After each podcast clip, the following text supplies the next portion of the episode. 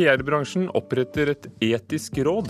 I Danmark vil journalistene slå seg sammen med kommunikasjonsrådgiverne i ett og samme forbund. Utenkelig i Norge, sier bransjene her. Og fra Disney-fenomenet Hanna Montana til provoserende popstjerne, i kveld spiller Miley Cyrus i Norge. Blant sakene i Kulturnytt i Nyhetsmorgen med Ugo Fermariello. PR-bransjen oppretter altså et eget etikkråd. I går eh, satte bransjeorganisasjonen KOM ned et uavhengig etisk råd som skal sørge for at PR-byråene opptrer etter bransjens egne etiske regler. Rådets første oppgave kan bli å undersøke beskyldningene mot eh, kommunikasjonsbyrået First House, men først skal First House-sjef Per Høiby selv forklare seg for kollegene i PR-bransjen. Jeg har jo selv tilbudt meg å komme til styret og redegjøre for den saken hvis det er interesse for det, og det tror jeg det nye styret er interessert i.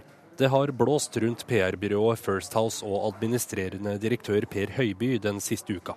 For etter at First House-rådgiver Morten Wetland skrev et leserinnlegg der han kritiserte den norske Nobelkomiteen, antydet Aftenposten-redaktør Harald Stanghelle at leserinnlegget var skrevet på oppdrag fra kinesiske interesser noe Høiby avviser på det sterkeste. Vi har ikke hatt oppdrag for Kina, kinesiske interesser eller noen andre i den hensikt å sverte Torbjørn Jagland eller påvirke Nobelkomiteens sammensetning. Nå skal Høiby gi en redegjørelse til styret i bransjeorganisasjonen KOM. Deretter skal styret ta stilling til om saken skal behandles av PR-bransjens eget etiske råd, et uavhengig utvalg som ble opprettet på gårsdagens årsmøte i organisasjonen. Selvfølgelig må vi lytte til det Per Høiby og First House har å si, til sitt eget forsvar. Det sier grunnlegger av kommunikasjonsbyrået Gelmeiden Kise, Hans Gelmeiden. Han er kritisk til det han mener er manglende åpenhet hos konkurrentene i First House. Nå ser han fram til å få en forklaring. Det er punkt 2i i vårt etiske regelverk, der man sier at når en kommunikasjonsrådgiver går fra å være rådgiver til å bli aktør, eh, ut i det offentlige rom, så skal man flagge hvilken interesse man arbeider for. Og Jeg er veldig spent på Per Øybys redegjørelse på akkurat dette punktet. Snakker du da som etikeren Gelmeiden, eller som konkurrenten Gelmeiden? Jeg snakker alltid som den uavhengige Gelmeiden. PR-bransjens nye etiske råd består av tre medlemmer, og skal ledes av spesialrådgiver i Veidekke og tidligere kommunikasjonstopp Kai Krüger Henriksen. Styreleder Morten Voldsdal mener bransjen trenger et uavhengig etisk råd for å sikre åpenhet om det som mange oppfatter som en lukket bransje. Det vil iallfall gi et bedre inntrykk eh, og en, og en, stor grad av åpenhet i forhold til eh, saker som vi eventuelt da kritiseres for, eller som noen, som noen mener det er grunn til å klage på. Vi oppfordrer våre medlemsbyråer til å vise mest mulig åpenhet. Problemet er at i enkelte saker, enkelt i forhold til enkelte kunder, så har man ikke mulighet til å være åpne av ulike grunner. Sa styreleder i PR-bransjeorganisasjonen KOM, Morten Voldsdal, reporter Halvor Haugen. Og mens kommunikasjonsbransjen i Norge opprettet et etikkråd under årsmøtet i Oslo i går kveld, var grensene mellom nettopp PR-arbeid og journalistikk tema på en debatt i Stavanger. Hit var eh, nemlig det danske journalistforbundet invitert, fordi de ønsker å fusjonere med Danmarks største forening for kommunikasjonsrådgivere. Det er naturlig at dansk presse og kommunikasjonsbransje søker sammen, mener lederen for det danske presseforbundet. Fordi vi på den måten kan samle alle kommunikatører samme sted, i samme organisasjon. På den måten blir vi sterkere for våre kommunikatører. Sier leder i Dansk Journalistforbund Mogens Blicher Bjerregård. DJ har allerede mange medlemmer i PR- og informasjonsbransjen, og vil jobbe for å styrke vilkårene for alle som jobber med kommunikasjon. Jamen, de, I noen år er de måske journalister, andre år er de kommunikatører. Så vender de måske tilbake til journalistfaget. Så forskjellige er de jo ikke. De har det til felles at de skal fortelle den gode historie. Vi er tvert imot opptatt av å vise ulikhetene på uavhengig kritisk journalistikk og eh, betalt informasjon. Sier leder i Norsk Journalistlag NJ, Thomas Spens. Siden 1997 har informasjons- og PR-folk vært utestengt fra NJ. Slik bør det fortsatt være, mener Spens. Hverdagen for journalister er ofte å møte, forhandle, slåss med eh, informasjonsfolk som enten vil eh, hindre tilgang til informasjon, som vil vinkle informasjon, som vil slippe ulike pakker av ulik valør. Eh, det er litt vanskelig å ha folk som sitter på begge sider av bordet i samme fagforening. Hvis vi skal overleve på lang sikt som faglig organisasjon, jamen så skal vi da også betrakte oss selv som en, en, en organisasjon som kan, som kan vokse, øh, som kan drive forretning. Mens Norsk Journalistlag har fått rundt 600 færre medlemmer de siste fem årene, har Norsk Kommunikasjonsforening vokst med over 1000 medlemmer. PR-bransjen går så det suser, avishusene kutter. Men journalist i Stavanger Aftenblad, Torunn Eggero, mener likevel ikke at kompaniskap med PR-bransjen er løsningen. Jeg ser ingen grunn for at vi skal overleve som forening hvis vi ikke overlever som, som, som fri yrkesgruppe. Vi skal være uavhengige informasjonsformidler. Og vi skal dyrke det litt, og vi skal diskutere det hele veien. Nei, du legger ikke lov på debatten hvor det er journalister, og heller ikke kommunikatør. Det gjør du ikke, og det skal man heller ikke. Sier lederen i Dansk Journalistforbund, Mogens Blicher Bjerregård. En veiledende avstemning blant tillitsvalgte viser et knapt flertall for fusjonen, som skal avgjøres om et år. Men journalistene merker presset, og har dannet sin egen journalistforening innad i DJ, ledet av Rasmus Mark Pedersen. Det, det jeg skal sikre meg, det er at det ikke plutselig er de her kommunikatører som sitter med et, et pressekort og kan komme opp bak øh, politiavsperringer. At det ikke plutselig er dem som sitter og utdeler den fineste journalistpris i Danmark. At det ikke er dem som sitter og lager de presseetiske regler. For det vil være forkert. Og reporter her, eller var det kommunikatør, som danskene sa, var øh, Anette Johansen Espeland.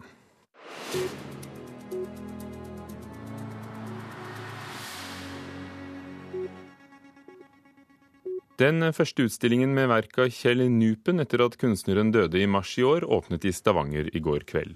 Galleriet melder om stor interesse og godt salg. Flere gallerier har ventet med å selge kunst av Nupen av hensyn til familien. Bildene som nå er utstilt ved Kunstgalleriet i Stavanger, kommer fra en dansk samling, og familien har ikke vært involvert, sier daglig leder Elin Halvorsen.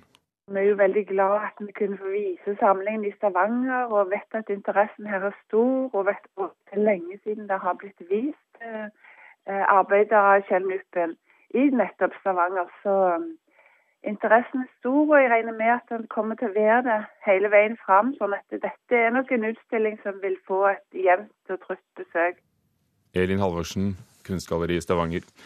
Tiden da tegneseriefigurer kunne få grisebank på barne-TV er forbi. Richard Starsack, skaperen av Sauen Shaun, som vises på NRK Super, beklager at han må dempe slapstick-humoren i TV-serien.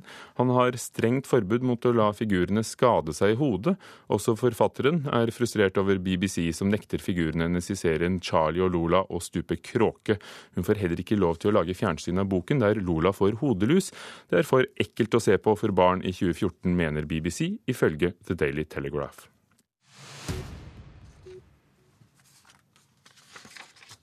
I kveld spiller Miley Cyrus konsert på arenaen eh, på Fornebu i Bærum. Cyrus slo først igjennom da hun spilte tittelrollen i TV-serien Hanna Montana. De siste årene er hun blitt kjent som en artist som sjokkerer i USA med lettkledde og utfordrende videoer og opptredener.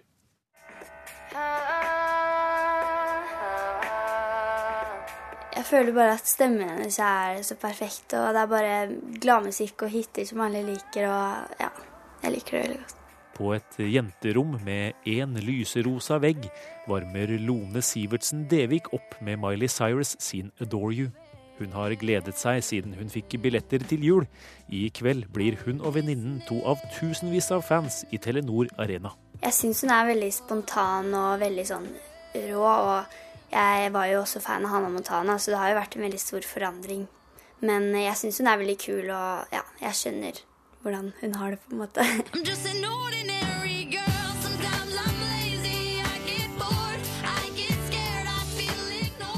I Hannah Montana så var Miley Cyrus en veldig trygg og liten jente, selv om hun var tenåring, som spilte på veldig uskyldige scenarioer og lite sex, altså ingenting sex. Eh, litt kyssing, men ganske lite av det òg, og ofte en sånn avstandsforelskelse. Var veldig på trygg avstand, alt det som på en måte tilhører ungdommen. Men det var den gang, forteller doktorgradsstipendiat Ingvild Kvale Sørensen ved NTNU, som har forsket på Hannah Montana det er jo et hav av forskjell. Eh, man skal jo ikke kunne trenge å ha sett så veldig mye på hvordan eh, Miley er i dag for å se at det er helt det motsatte. Altså det er jo, I dag så er det jo lettkleddhet, det er sex, det er Hun går sine egne veier og gjør sine egne ting. I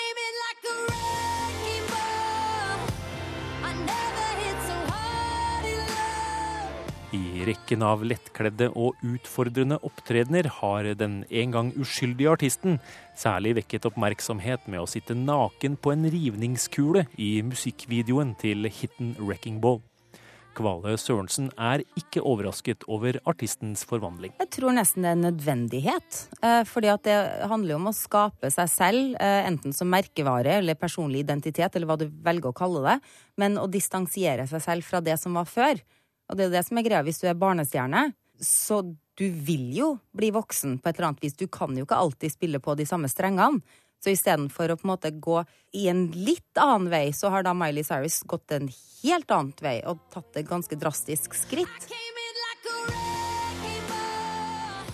Også Miley-fan Lone Sivertsen Devik har forståelse for at favoritten hennes har forandret seg de seneste årene. Man forstår jo at hun ikke vil være en barnestjerne lenger, og det er jo fortsatt mange småjenter som elsker henne, og ja, jeg er jo en liten småjente, jeg òg, så Men ja. Jeg vet ikke. Det er greit. Reporter Gjermund Jappé om Miley Cyrus. Musikkjournalist og programleder i NRK MP3 Benedikte Jacobsen Hamnes, hva kan publikum vente seg på Telenor Arena i kveld? Jeg tror de kan eh, vente seg eh, litt av et show. Er, jeg tror det blir et sånt show som du kan nesten fortelle barnebarna dine om. Kanskje ikke pga. det musikalske, men fordi at eh, hun kommer til å være så drøy at det er en sånn konsertopplevelse som bare fester seg sånn Wow, hva var det jeg nettopp så nå, egentlig? Men hvilke popstjerner spiller ikke på kropp og sex?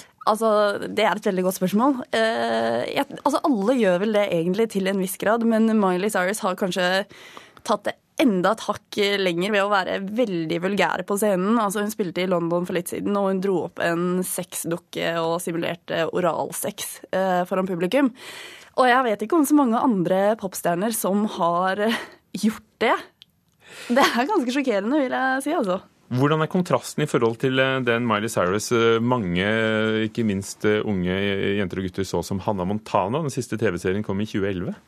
Altså, er, Hun har gått fra å være den søte nabojenta som liksom de fleste kan kjenne igjen, til å bli en popstjerne og veldig sånn selvsikker jente som Altså, hun lyser jo sex, egentlig. For det er det hun spiller på. Hun er veldig åpen og ærlig i intervjuer om sex og seksualitet. og sier at hun er ikke redd for å prøve ting. Og, og dessuten så er hun også litt sånn Hun er kanskje litt glad i hasj eh, og marihuana, som hun også fronter. Hun, ikke, hun, legger ikke skjul på det.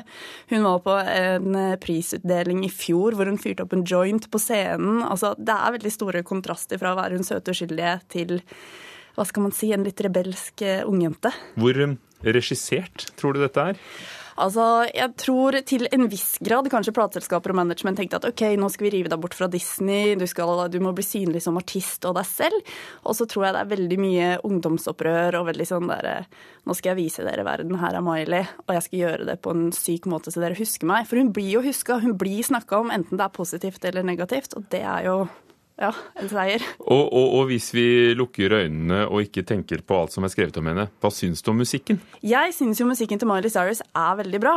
Altså, det er jo det er fengende pop, og det er catchy låter, og du får lyst til å danse litt, og det er enkle tekster som du kan synge med på, så det er jo bra. Og hun har en særegen stemme som som funker fint. Og det er, det er, noe spesielt ved stemmen hennes som gjør henne til en kul artist. Men det drukner kanskje litt i alt hun driver på med ved siden av. Men hvis vi tenker på lignende fenomener, Britney Spears, uh, Aguilera, Christina Aguilera, hva, hvordan skiller hun seg ut? Hun er nok hakket mer drøyere. Altså, det som er med Britney og Christina Aguilera også, har jo vært i Disney før de ble popstjerner. Britney har jo vært ærlig og sagt at jeg gikk på en, jeg fikk en psykisk knekk og jeg barberte av meg alt håret og liksom gifta seg litt her og der og fikk barn. Mens Miley Cyrus hun har jo virkelig bare begynt å kle av seg og danse stygt. Og, altså hun har jo stilt opp naken på fotoshooter allerede som 18-19-åring og sånne ting. Så er, jeg føler at hun tar det hakket mer sånn litt drøyere enn både Britney og Christina Aguilera. Er hun et bilde på sin generasjon? Eller er det en drøy påstand? Mm, ja, ikke, ikke, så veldig drøy, vil jeg si. Jeg vil jo si at eh, Det kan jo hende at hun speiler litt av den generasjonen som vokser opp nå. Altså man, hvis man følger henne på sosiale medier, så ser man jo at hun Hun er jo en vanlig tenåring, og ja, det er mye kroppsfokus, det er mye sexfokus, det er mye altså, drikkepress. Så jeg, til en viss grad, ja. Men kanskje ikke. Jeg tror ikke alle ungdommer er så drøye som Miley Cyrus, altså. Men musikeren Miley Cyrus ja. vil fortsette å stå seg? Ja, jeg tror det. Så lenge hun ikke gjør for mye dumme ting og havner på kjøret, så tror jeg hun vil klare seg. Takk skal du ha, Benedikte Jacobsen Hannes i NRK MP3. Klokken er allerede 18 minutter over åtte. Du hører på Nyhetsmorgen i NRK. Overskriften i dag Norge bør stenge kullgruvene på Svalbard. Det sier FNs klimasjef. Et dilemma, svarer miljøvernministeren, som ikke kan love at Norge stenger gruvene. Det er svært få tilfeller av kjønnslemlestelse av kvinner i Norge. Det viser funn fra forskningsstiftelsen Fafo. Norsk-somalier er krenket over å være blitt mistenkt for kjønnslemlestelse, og nå vurderer de søksmål. Kreftorganisasjoner krangler om navnebruk. Kreftsykeforeningen må bytte navn, mener Kreftforeningen. Og her i Kulturnytt eh, skal vi fortsette eh, med å snakke om en digital dugnad. Munch-museet ber folk om hjelp til å lese korrektur på brev til Edvard Munch. De ønsker at frivillige skal sjekke de maskinleste avskriftene av brev til kunstneren mot bilder av originalene. Han har jo et, et ganske ofte sitert postkort fra Strindberg her, hvor hvor det tydeligvis har kranglet. Hilde Bø og Lasse Jacobsen står bøyd over et stykke historie på Munch-museet. De saumfarer brev etter brev, alle adressert til Edvard Munch. Skriver Strindberg til Munch. Sist jeg så deg, tykte jeg du så ut som en mørdere, eller åtminstone en hantlangere. for nå inviterer museet publikum til storstilt dugnad for å rydde i dette unike materialet. I dag går startskuddet for det som Munch-museet kaller digital dugnad.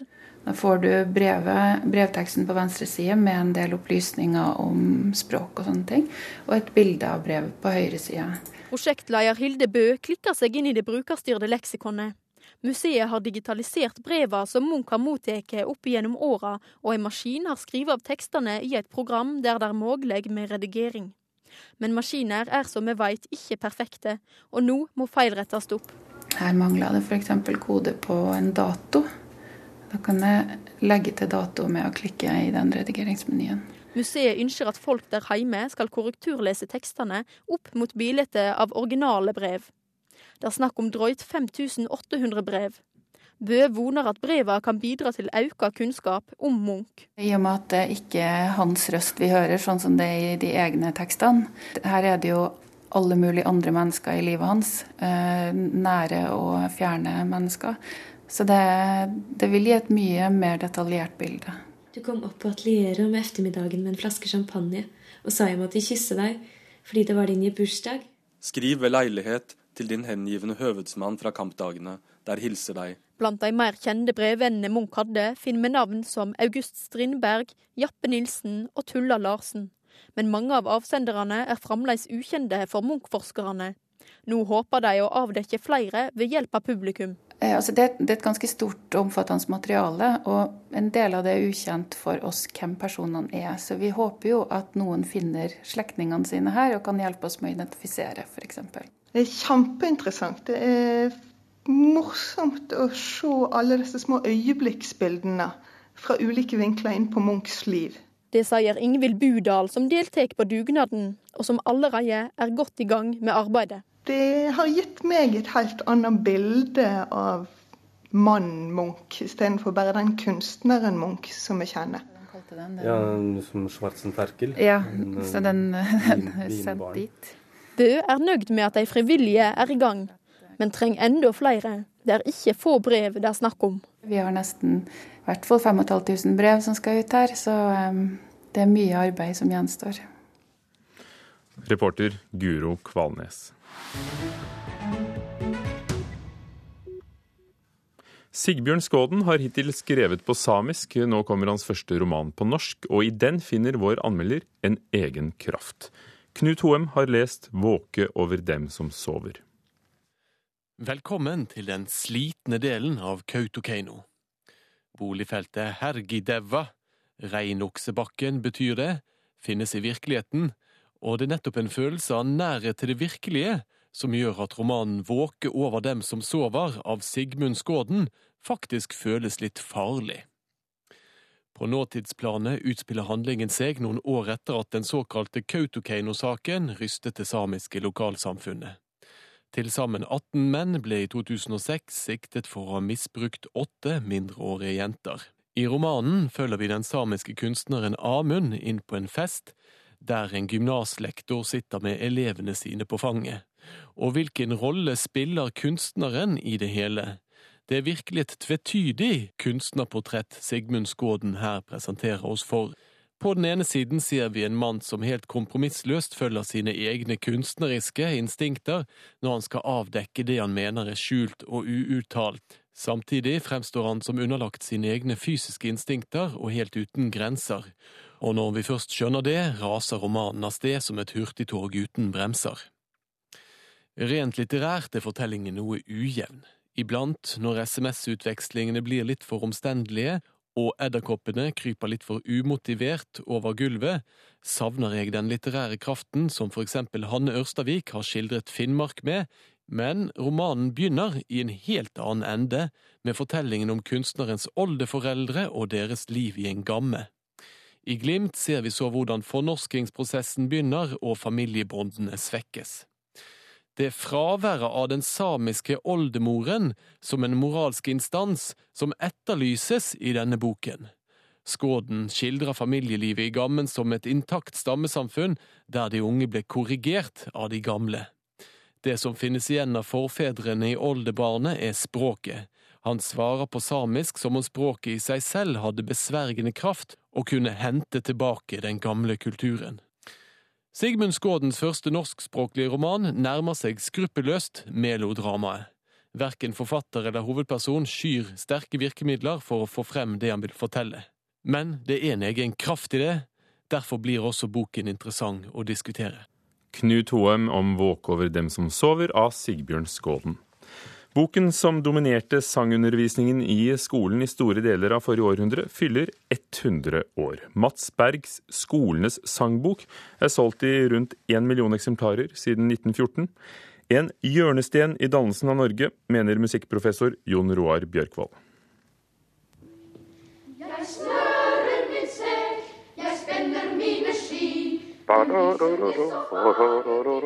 Mats Berg og Margrethe Munthes skivisa vekker gode minner hos musikkprofessor Jon Roar Bjørkvold. Det, det frambringer f.eks. skole, og det frambringer at jeg var barn. ikke sant? Så er det en veldig fin melodi. Bjørkvold skriver for tida på ei bok om hvordan barnesanger er en del av nasjonens hukommelse. Der er også Mats Bergs Skolens sangbok naturlig med den har vært med på å forme Norge. Å si et jubileumsår for Grunnloven er det helt nødvendig å si det. Det er preget millioner av norske barn. Det er en hjørnestein i dannelsen av, av, av, Norge, rett og slett. Dessuten er altså denne sangboka en bok som løfter fram faget musikk gradvis og ambisiøst osv.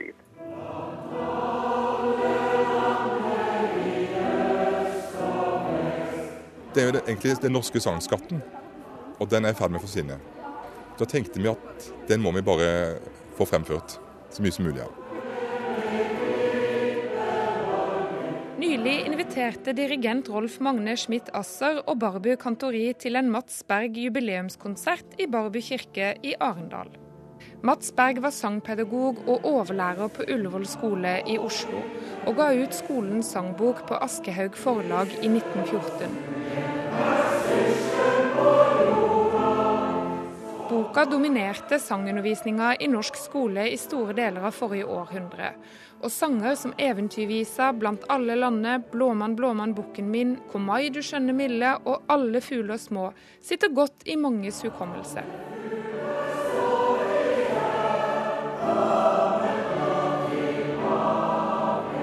Vi som er født på 70-tallet, vi er omtrent noen av de siste som har opplevd noe av det her. Så på en måte er det vårt ansvar å ta det litt videre. For de som vokste opp kanskje på 80- og 90-tallet og fremover, de har ikke det samme forholdet til det. Boka kom ut i mange utgaver, og skal ifølge Aschehoug ha et samla opplag på nærmere én million bøker. Jeg tror nok vi kan se på det som en del av eh, et sånt nasjonsbyggende foretak. Den kom altså i 1914 og, var, eh, skulle være folkeopplysende og øke sanggleden og ta vare på kulturskatten, og som det står i forordet fra den gang. Trond Bøhler er forlagssjef i Aschehoug. Uh, og den, den, selges fortsatt. Uh, ikke veldig mye, men uh, vi gjorde et stort opptrykk av den for noen år siden. Og det er en skatt som ligger, ligger hos oss og drypper sakte ut fortsatt.